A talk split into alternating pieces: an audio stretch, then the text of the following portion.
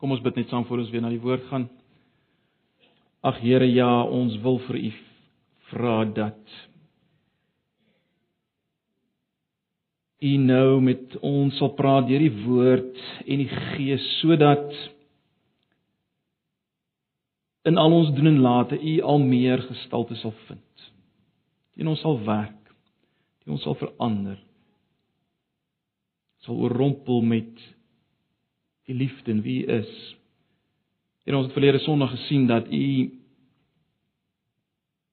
sien ons totaal anders as wat ons dikwels onsself sien, ons as U kinders wat ek wil sit met allerlei gebrokenheid met valse identiteit. U sien ons anders. U sien ons in Christus. En u handel in die lig daarvan met ons en ons eer u daarvoor. Ons wil nou kom vra Here verheerlik u self ook nou vir oggend. As ons nou gaan luister na u woord en wil ons intens bewus maak van van wie u is en u liefde vir oggend weer. Ons wil ook maar net bid vir vanoggend Here vir die boodskap wat ook uitgaan na Pretoria Wes. Werklik bid dat U ook vir Hendrik hulle sal gebruik om die woord daar te bring. Asseblief. Ons vra dit in Jesus se naam. Amen. Ons begin Genesis 21. Ons gaan vandag Genesis 21 en 22 saam hanteer. Genesis 21, kom ons lees vanaf vers 1. Die Here het aan Sara gedink soos hy beloof het. Hy het sy belofte aan haar nagekom.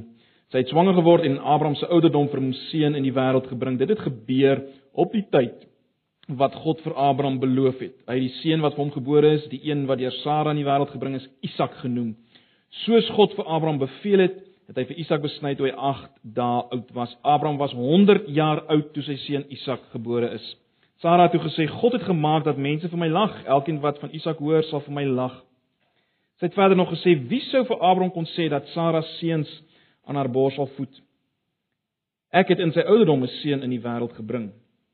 Die kind het groot geword en die dag toe hy gespeen is, het Abraham 'n groot fees gehou toe Sara die seun wat Hagar, die Egiptiese slavin vir Abraham in die wêreld gebring het, sien uh, of uh, althans sien lag, uh, sê sy vir Abraham: "Jaag hierdie slavin en haar seun weg. Die seun van hierdie slavin mag nie saam met Isak erf nie." Abraham het ter wille van sy seun Ismael baie sleg gevoel oor wat gesê uh, wat sy gesê het, maar God het vir Abraham gesê: "Moenie sleg voel oor die kind en oor jou slavin nie. Luister na alles wat Sara vir jou sê, want uit Isak sal jou nageslag gebore word. Tog sal ek die seun van die slavin 'n nasie laat word, want hy is jou kind." Vroeg die volgende môre het Abraham kos gevat en 'n velsak water en dit vir Hagar gegee. Hy het dit saam met die kind op haar rug gesit en haar weggestuur. Sy is toe weg en het in die Berseba woestyn rondgeswerf. Toe die water in die velsak opraak, het sy die kind onder 'n doringbos neergesit en 'n entjie daarvan gaan sit omtrent so ver as 'n mens met 'n pyl en boog kan skiet. Want sy het gedink ek wil nie sien as die kind doodgaan nie. Terwyl sy so daar sit, het sy begin huil. God het die kind Ekskuus, het sy begin huil. God het die kind hoor huil En die engel van God het uit die hemel na haar geroep en vir haar gesê: "Wat is dit, Hagar? Moenie bang wees nie, want God het die kind daar waar hy lê gehoor. Staan op, tel die kind op en troos hom, want ek sal hom 'n groot nasie laat word." Toe het God haar oë oopgemaak en sy het 'n put met water gesien, sy het die velsak vol water gemaak en vir die kind water gegee. God was by die kind en hy het groot geword. Hy het in die woestyn gewoon en het handig geword met die pyl en boog. Hy het in die Paran woestyn gewoon en sy ma het hom met 'n vrou uit Egipte laat trou. Dan ek gaan vers 22 tot 32 nie lees nie. Dit is die gedeelte waar Abraham 'n verbond sluit met Abimelech. Uh dit's nie 'n totaal irrelevante gedeelte nie. Ons sal vinnig daarna verwys, maar terwyl van tyd gaan ek dit uitlos. Kom ons kom by Genesis 22. Ruk na die vorige gebeurtenisse het God vir Abraham op die proef gestel en hom gesê: "Abraham" Hy het geantwoord: "Hier is ek." Voor ek verder lees, ek wil julle met die spanning aanvoel hierso. Geweldig dramatiese gedeelte wat hier geskryf word. Uh, in ons Afrikaanse vertalings mis ons iets daarvan, maar veral as jy nou in die, in die oorspronklike teks lees, is dit 'n geweldige spanning wat hier opbou, maar probeer dit raak sien.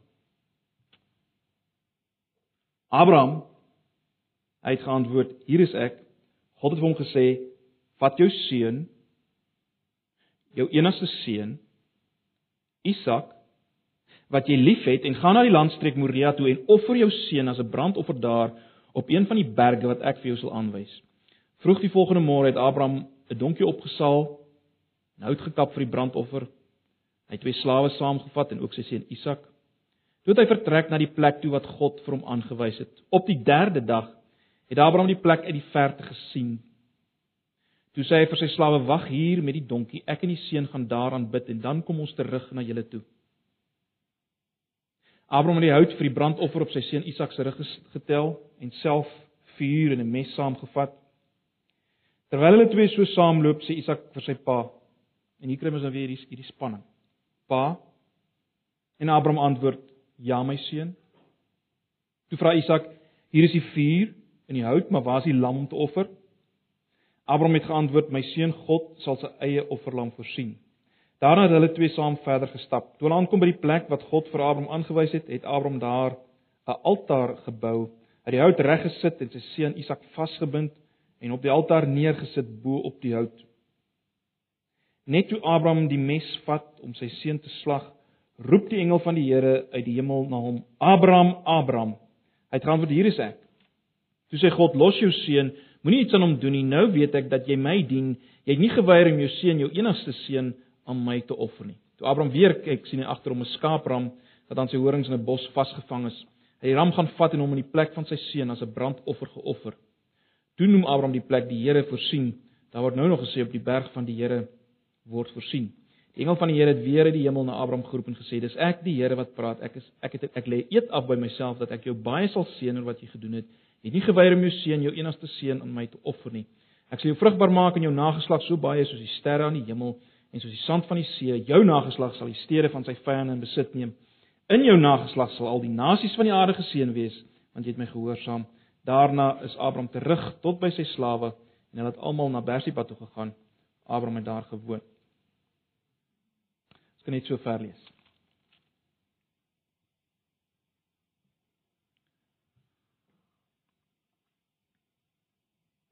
Nou, broers en susters, by 'n nagmaal geleentheid soos vanoggend, is dit altyd goed om na te dink oor God die Vader se liefde vir ons. Ek wil dit waag om te sê dat bewuslik of onbewuslik baie van ons sukkel met die Vader se liefde vir ons. God die Vader se liefde vir ons. Ek dink ons het minder van 'n probleem om te dink aan Jesus se liefde vir ons, die Seun se liefde vir ons. Maar die Vader, die skepper van Genesis 1 en 2. Hoe lief het hy ons werklik? Kyk, ons weet hy het sy seun gegee.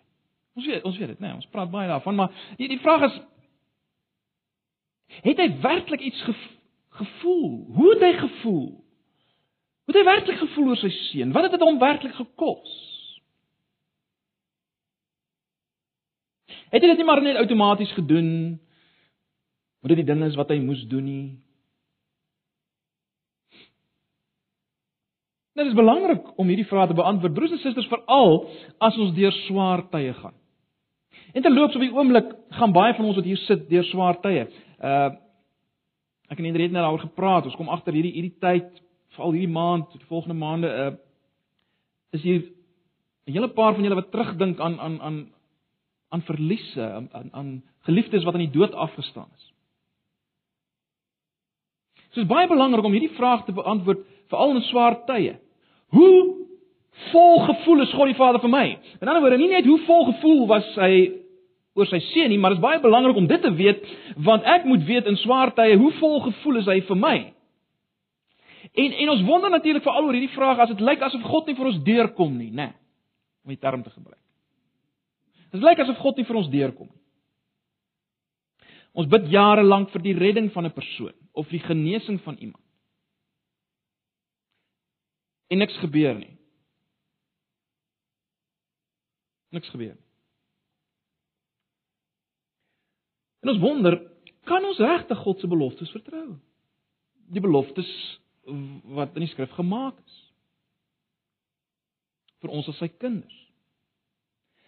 Dit raak veral moeilik, né, nee, as dit lyk asof God totaal die teenoorgestelde doen as wat ons sou verwag hy as God moet doen. En as hy as hy snaaks optree teenoor ons. Nou. In 'n woord as ek deur 'n finansiële krisis gaan, jy's op 'n tyd wat ek dit regtig nie kan bekostig nie. Of as hy iemand in die vleur van sy lewe wegneem, uh iemand wat vir die Here sou gaan werk, op pad is na 'n sendingveld en hy sterf in 'n motorongeluk. Dis dan wanneer ons hierdie vraag vra, nie waar nie? Dan wanneer ons hierdie vraag vra. Hoe lief het hy ons? Reg. Broers en susters, ek wil hê ons moet uh, nader staan aan hierdie gedeeltes wat ons gelees het, die twee hoofstukke wat ons gelees het. Ons gaan dit saam hanteer. En my gebed is regtig dat die Heilige Gees vir ons hierdeur gaan gaan versterk en bemoedig. As ons iets van God hierin gaan raak sien. Ek gaan 'n paar stellings of opskrifte gee of maak vir oggend uh aan die hand waarvan ons na die twee gedeeltes gaan kyk. En die eerste is bloot dit. Ons gaan kyk na die God wat sy beloftes waar maak.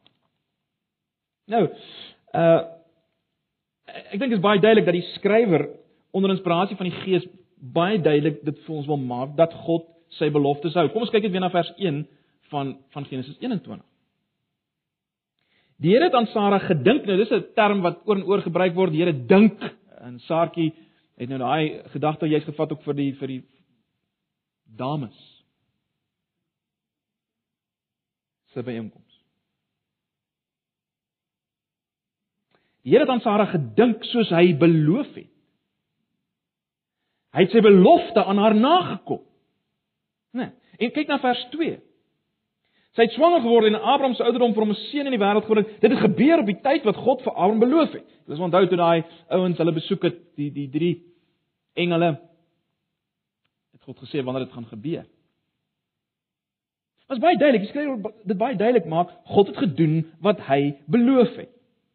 Nou daar's nog iets in hierdie gedeelte wat daarop dui dat God doen wat hy beloof het, wat mense nie onmiddellik so op die oppervlakte raak sien nie. Maar is hier. Uh, onthou julle in hoofstuk 13 hoe Lot as te ware as jy wil uit die prentjie verwyder is. Nadat die uh, sy sy veewagters en Abraham se veewagters begin rede kabel het, uh het daar 'n skeiding plaasgevind. Luister net vinnig weer na hoofstuk 13 vers 11 en 12. Julle kan so dit blaai as julle wil, maar is nie nodig. Hoofstuk 13 vers 11. Lot het die hele Jordaanstreek vir hom gekies en hy het ooswaarts versit, so die twee van mekaar geskei en dan vers 12. Abraham het in Kanaan bly woon en Lot het in die stede van die Jordaanstreek gewoon tot by Sodom het hy gaan tent opslaan. Nou, waarom is dit insiggewend en wat gebeur hier? Hoekom sê ons uh, dis 'n aanduiding dat God sy belofte sou wel aan wie die belofte gemaak dat hy die land sal beerwe? Aan Abraham en sy nageslag, nie aan Lot nie.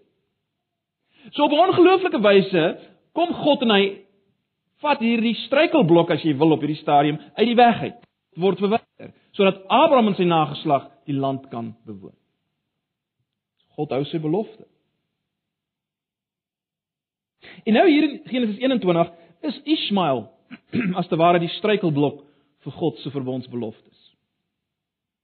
Nie so seer Ismael per se nie, maar die hele vooruitsig as jy wil dat hy en sy nakommelinge Isak se rol as Abraham se erfgenaam as te ware uh in die skadu sou stel en en, en en al die beloftes wat aan Isak se lyn gemaak is. So in daardie sin is is is Ismael hier in 'n sekere sin 'n struikelblok. En God bewerk dan dat Ismael verwyder word. Ons sien dit duidelik in vers 12 van Genesis 21. Uh Maar God het vir Abraham gesê: Moenie sleg voel oor die kind en oor die slavin nie. Luister na alles wat Sara vir jou gesê het, want uit Isak sal jou nageslag gebore word. So God laat toe dat uh, Ismael as te ware verwyder word weggeneem. God hou sy verbond. Maar in dit wat God weer doen as hy Ismael red hier, is hy ook getrou aan sy beloftes. Watter belofte? Wel die belofte in Genesis 4, toe hy vir Abraham gesê het nasies let wel, nasies sal uit jou voortkom en in jou sal al die nasies geseën word. Daardie belofte kom God ook na as hy op die randjie van die afgrond vir Ismael laat lewe. Broers en susters, die hele Ismaelitiese nasie se voortbestaan het hier aan 'n garredraad gehang wat stadig besig was om deur te skuur. Wat ons moet raak sien is dit God hou sy beloftes. Maar nou, dit bring ons by die tweede punt. God werk anders. Of as jy wil, ek sal net die term weer gebruik. As jy wil, God God hou sy beloftes op die rand van die afgrond.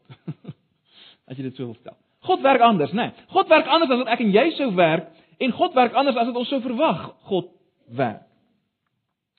Let op hoe sien mense dit in hierdie gedeelte. In die eerste plek, die skrywer lê op dat Abraham 100 jaar oud was. Het julle dit gesien?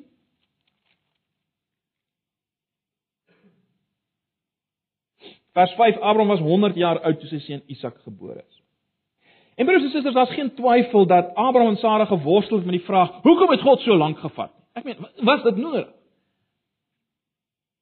En en dit dit blyk baie duidelik te wees daar in vers 6 en 7 as Sara sê: "God het gemaak dat mense vir my lag, elkeen wat van Isak hoor sal vir my lag." Vers 7 uh, Sy het verder nog gesê: "Wie sou vir Abraham kon sê dat Sara seuns aan haar bors sal voed? Ek het in sy ouderdom 'n seun in die wêreld gebring."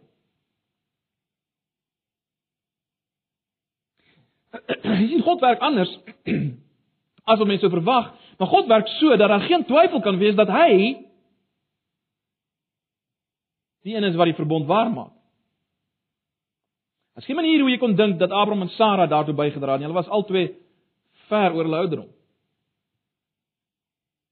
So daar's geen twyfel dat dit van God afkom nie. As ons kom by God se optrede teen Hag teenoor Hagar en Ismael, eh, is weer eens baie duidelik dat God anders werk. Hy werk op die nippertjie as jy wil. Hy werk op die rand van die afgrond as jy wil. Hagar en Hagar en Ismael wat hier verteenwoordigend is van die nasies wat volgens Genesis 17 vers 4 uit Abraham sou voortkom. Hagar en Ismael kom hier op die rand van die afgrond, soos ek dit net genoem het. Hagar gaan sit sit uh, sit 'n end daar weg. Sy wil as as te waar nie sien hoe haar hele nageslag die laaste asem uitblaas. En dan kom God en hy tree in.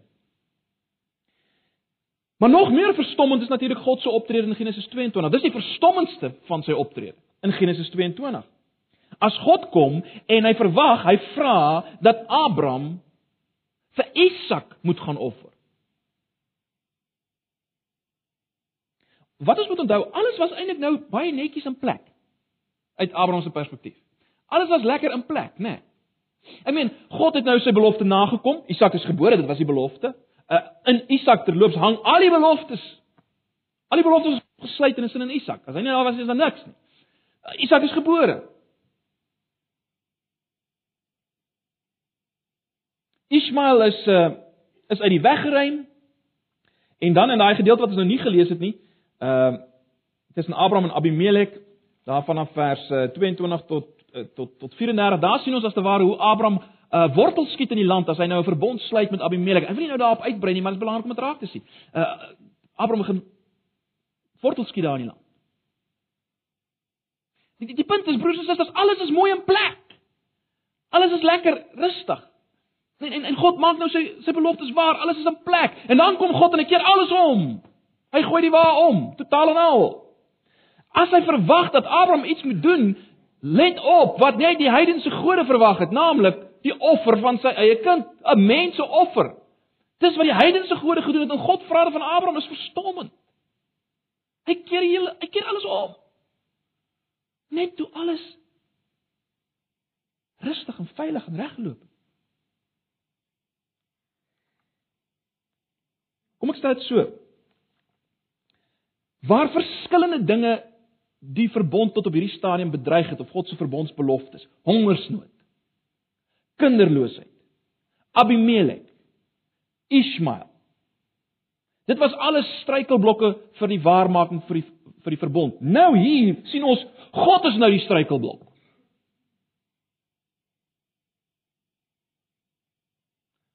As hy verwag dat Isak geoffer moet word, die belofte. Om dit so te stel, God bedreig sy eie belofte. Dis traumaties. God bedreig sy eie belofte. Hy wil dit vernietig. En onmiddellik die vraag wat ons vra en wat ons moet vra is maar hoekom? Hoekom? Waarom hierdie hierdie hierdie hierdie proef, hierdie toets in vers 1 van Genesis 22? Ons lees dat God dit wou vir Abraham op die proef stel, né? As hy sê gaan offer jou jou seun. Hoekom? Nou, broers en susters, behalwe vir die die wonderlike stuk uh, openbaring wat hier is rondom dit wat Jesus uiteindelik vir ons doen op Golgotha, behalwe daarvoor is hier iets in die teks wat wat ons moet raak sien. En, en dis in vers 12 van Genesis 22. Toe sê God: "Los jou seun, moenie iets aan hom doen nie. Nou weet ek dat jy my nou die 83 vertaling sê dien, die oorspronklike vertaling sê vrees wat wat meer omvattend is, dit wys op die op die totaal van van die ontzag en die en die en die en die dien van die Here. Nou weet ek dat jy my dien, jy het nie geweier om jou seun, jou enigste seun aan my te offer. Wat moet ons hier raak sien? Broers en susters, Jy sien, die gevaar was by Abraham en die gevaar is nog steeds dat ons baie maklik God se beloftes, dit wat God gee, in die plek van God kan stel. Met ander woorde, dit begin gaan oor wat God kan gee, oor sy beloftes en nie meer oor God self nie. En dit dit is die probleem met ons almal, is dit nie? Maar jy sien, ten diepste gaan dit oor God self. Onthou wat hy vir Abraham gesê het in, in, Genesis 17. Ek wil vir jou 'n God wees. Dis eintlik die kern van die verbond. Ek wil vir jou 'n God wees. Dit gaan oor my en myself, nie so seer oor die waarmaak van my beloftes nie. Dit gaan oor my. Moenie begin vas op my, my beloftes nie. Hou aan my vas. Dis waaroor dit gaan. En jy sien, dis waaroor dit hier gaan. God is as te ware bereid om self sy eie beloftes te vernietig sodat Abraham aan hom en hom alleen kan vashou. God gaan so ver om 'n streep te trek is hy beloftes. So belangrik is dit dat hy gesien word hy self. As dit waar dit gaan. Ag broers en susters, en ons moet dit sien en ons moet dit vat.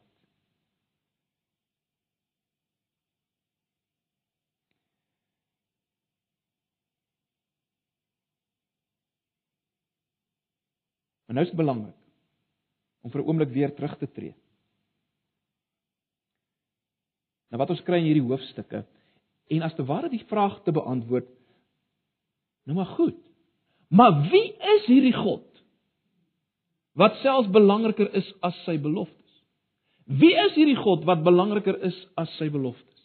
Wie is hierdie God wat wil verseker dat ons nie aan sy beloftes vashou eerder as aan hom nie? Wie is hy? Wel, kom ons dink na oor die gedeelte of die insident tussen Hagmar en Ismael. Dis dis aangrypend broers en susters as mens as mens gaan kyk wat hier gebeur, is dit nie? Kyk net weer na vers 17. God het die kind hoor huil. God hoor die kind huil. Die skepper van hemel en aarde van Genesis 1 en 2 hoor die kind huil. En jy sal oplet hy hy praat met Hagar. Hy praat met haar. En hy sê vir haar, moenie bang wees. Hy gaan so ver om vir haar te sê, tel die kind op en troos die kind. troos die kind. Nie net Hallo, ja, hier is ek. Moenie moenie omgee nie. Ek sal julle groot nasie maak. Nee, nee. Hy hoor die kind huil en hy hy sê vir Sara moenie bang wees. Ag vir Hagar moenie bang wees nie. En hy sê vir Hagar gaan troos die kind sien julle die vaderhart van God, die ontsettende intieme omgang tussen God en Hagar en Ismael. Heidene, Ismael was nie die een deur wie die verbondslyn sou gaan nie. Maar hulle hulle val as te ware as jy wil steeds onder die verbondsorg van God omdat God aan Abraham beloof het dat nasies uit hom sal voortkom en en en Ismael was die een was een van die deur wie dit sou waar word. Maar wat belangrik is, ons moet sien God se ontferming. God se betrokkeheid en sorg hier vir Hagar en Ismael.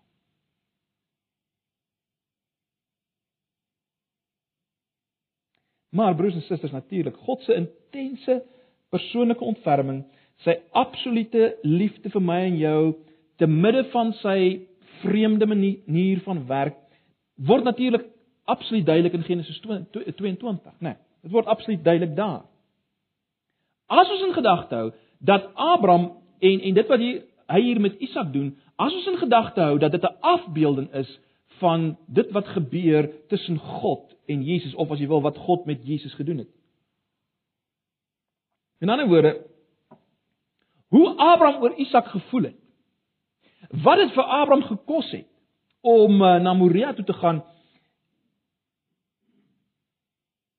Dit is wat sê vir ons iets van dit wat God gevoel het en wat dit vir hom gekos het om uiteindelik sy seun op 'n ander berg te laat sterf, Golgotha. Kan ons dit sê?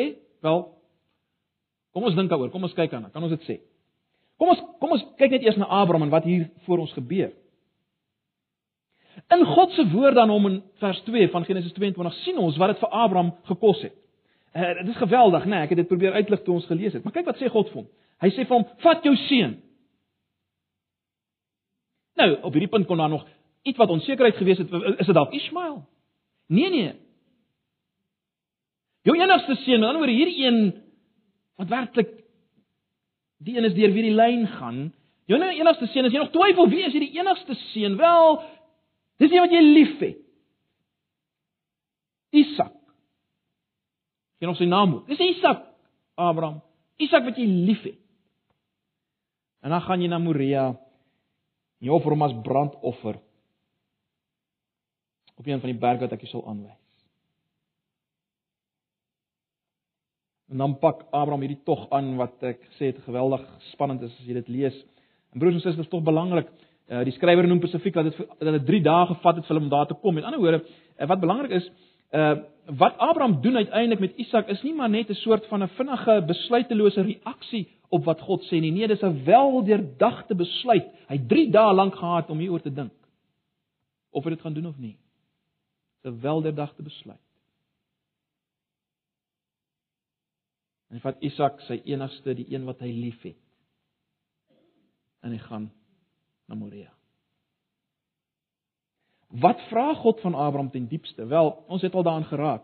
Wat God ten diepste hier van Abraham vra, onthou nou, is om die verbondsvloek aan Isak te voltrek. Onthou jy ek het vir julle gesê, in die besnyning, in die teken van die besnyning is iets afgebeeld van wat gebeur as jy hierdie verbond verbreek. Dit was tipies van die verbondstekens van daardie dag. Iets van die vloekkarakter van die verbond lê in die teken. En en en in Abraham se geval as jy die verbond verbreek, sal jou nageslag afgesny word. Nou kom God en hy sê, Abraham, jy moet dit doen. Jy moet die verbondsvloek voltrek aan jou seun Isak. Dis klaar. Dis wat hy moet doen. Die ongelooflike is natuurlik dat God 'n ram voorsien in die plek van Isak. Nou is die vraag, maar kan ons sê dat wat Abraham gevoel het, wat hy deurgemaak het, wel dat dit is wat God gevoel en deurgemaak het in wat met Jesus gebeur het. Wel kom ons dink daaroor. Dink aan die Nuwe Testament. Ons weet almal Jesus word beskryf in die eerste plek as God se seun, né? Nee, ek dink nie iemand van ons het twyfel daaroor nie. En let op, Johannes 1 vers 18 maak dit baie duidelik dat dit sy enigste seun is. Presies dit wat God van Abraham vra. Dink aan vers 18 van Johannes 1. Niemand het ooit uh, niemand het God ooit gesien nie, sy enigste seun. Self God wat die naaste aan die Vader is, het hom bekend gemaak.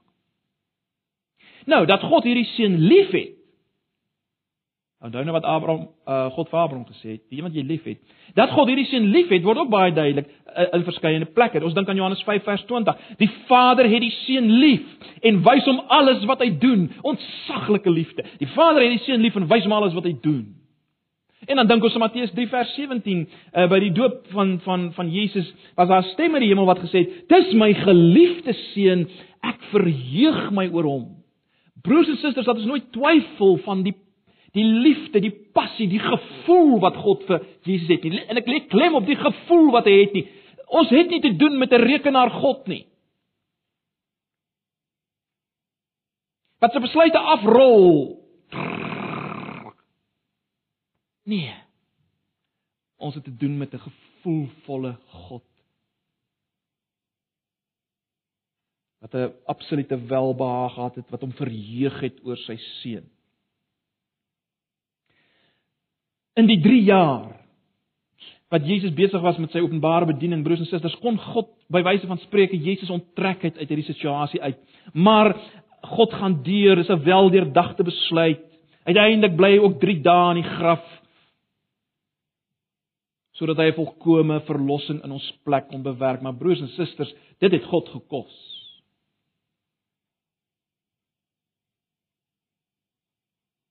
Dit was sy geliefde, sy enigste. As min twyfel as ons uiteindelik kom by Romeine 8 dat Paulus Moria in sy agterkop gehad het as hy as hy die volgende skryf in Romeine 8 vers 32. Luister. Hy het sy eie seun nie gespaar nie. Hy het sy eie seun. Onthou dis ook wat God vir jou eie seun, hè? Wat jou eie seun. Hy het sy eie seun nie gespaar nie, Romeine 8 vers 32, maar hom oorgelewer om ons almal te red. Sal hy ons dan nie al die ander dinge saam met hom uit genade skenk nie? Jy sien, uh, uiteindelik wat gebeur het op Moria is dat Abraham se eie seun word gespaar. Isak, as as die ram voorsien word in sy plek. Maar wat wat sê Paulus? Nee, God het sy eie seun, jy sien hy gaan 'n stap verder. Hy het hom toe nog nie gespaar nie. Hy het hom oorgegee vir ons. Ontsaglik. En onthou nou wat is die betekenis daarvan? Ons het nou al daaroor gepraat. Jesus word afgesny as verbondsverbreker in ons plek. Dink weer aan Jesaja 53 vers 8 uh, as Jesaja vooruit kyk na na Jesus die dienskneg. Terwyl hy gelei het en gestraf is, is hy weggeneem en wie van sy mense het dit ter harte geneem dat hy afgesny is uit die land van die lewendes. Hy's gestraf. Nie oor sy eie sonde nie sê Jesaja, maar oor die sonde van my volk. Dis Jesaja 53 vers 8b. En broers en susters, ek en jy, ons as gemeente, is deel van die Nuwe Testamentiese volk van God. Hy is in ons plek vir ons afgesny as die plaasvervangende lam van God. Dit beteken ons sonde en die van die nasies van die wêreld is op hom geplaas. En hy is getref met die oordeel oor verbondsverbreeking in ons plek en ons kan nou ontvang sy verbondsgehoorsaamheid. Sy verbondsgehoorsaamheid kan ons ontvang. Dis wat plaasgevind op Golgotha, plaasvervangend.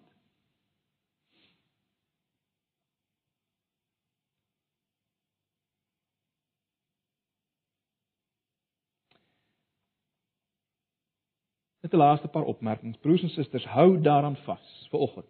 In die eerste plek, Hou daarin vas. God maak sy verbondsbeloftes waar. Elkeen van hulle. Paulus sê in 1 Korintiërs elke belofte is ja en amen in Jesus Christus. Hy maak dit waar in Jesus. Maar let op, en dis wat ons moet raak sien vanoggend. Hy maak sy beloftes waar dikwels op die rand van die afgrond heen. As jy aanlees in die Ou Testament, sien jy dit oral. Dink aan Moses.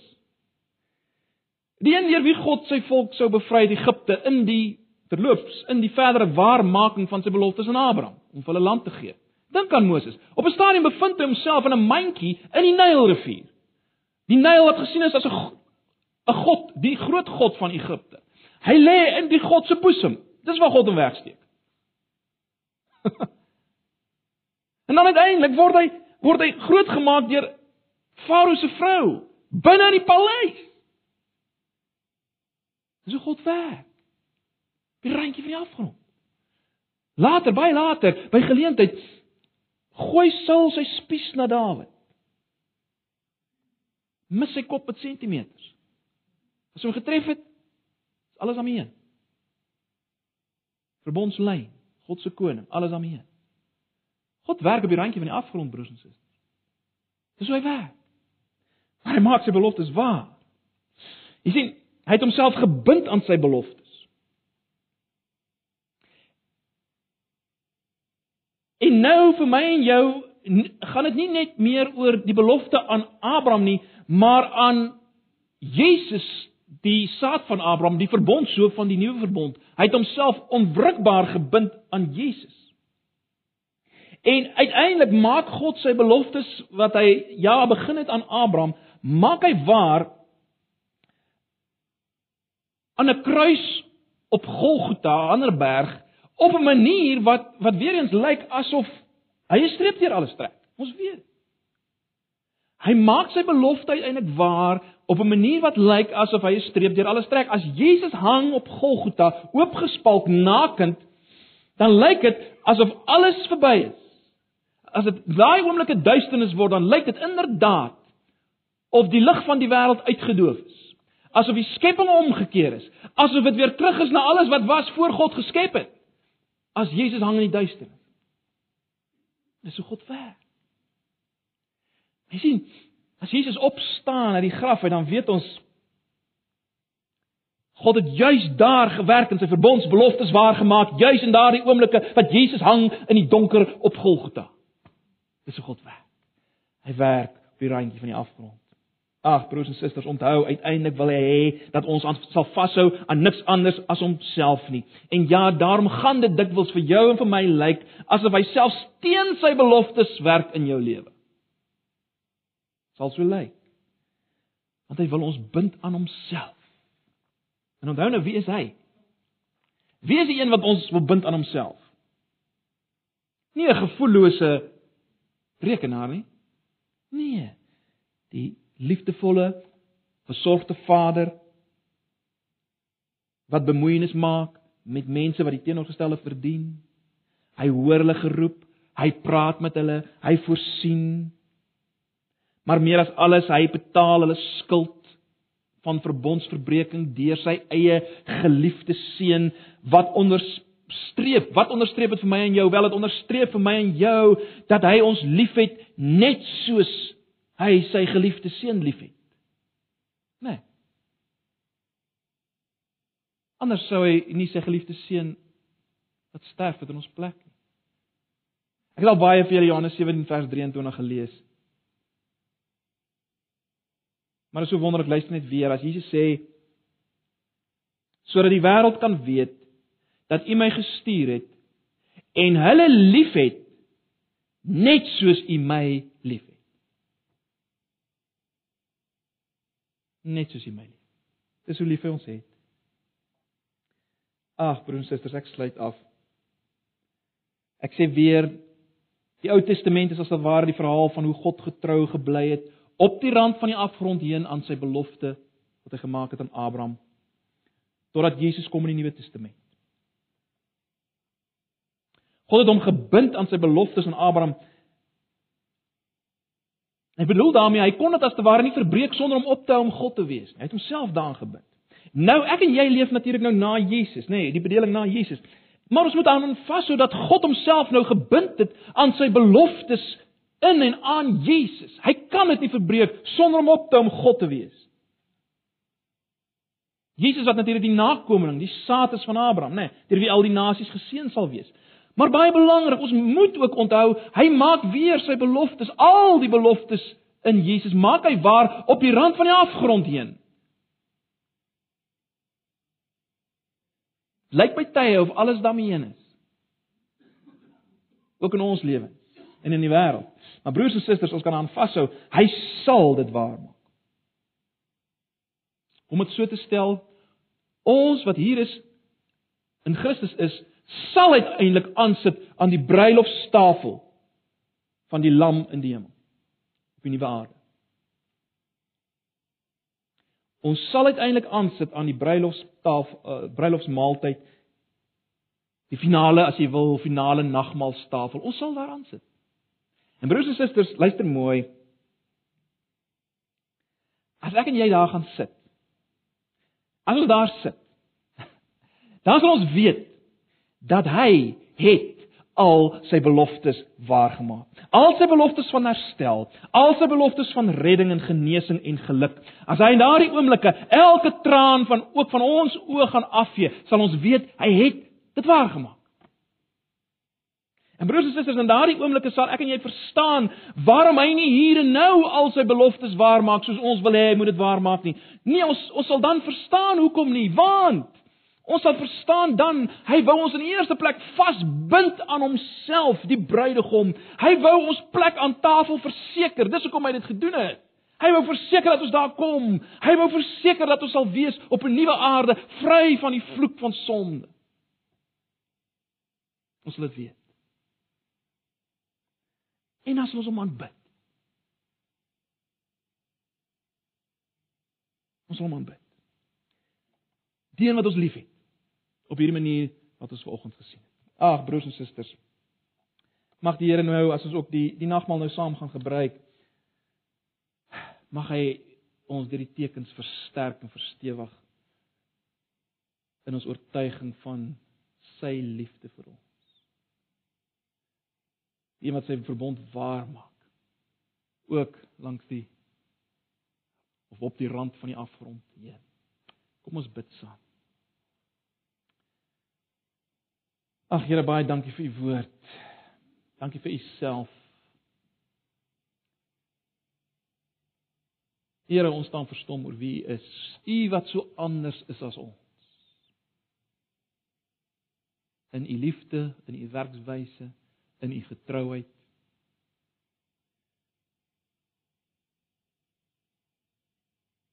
Daarom Here wil ons vir u sê ons wil dit waag saam met u. Ons wil onsself op u werp met Leande en ons wil nou vra ook dat u nou in hierdie oomblikke vir ons deur die tekens sal bemoedig en sal versterk. En as ons dit nou gaan sien en gaan proe dat dit vir ons nog meer werklikheid en waarheid sal word. Asseblief. Ons vra dit in Jesus se naam. Amen. Kan uh, van die diakens net vir ons die tafel kom Rahman.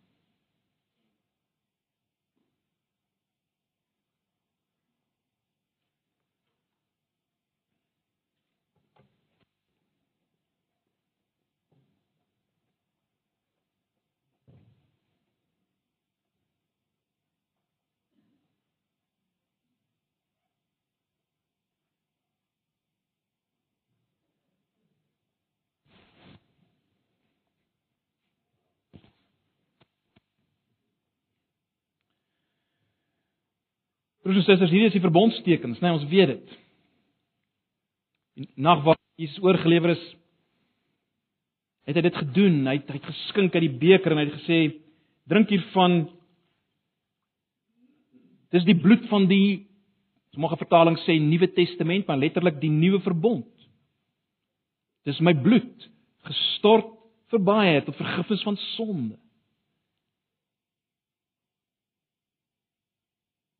Die bloed wat sy verbondsbeloftes verseker en vasmaak.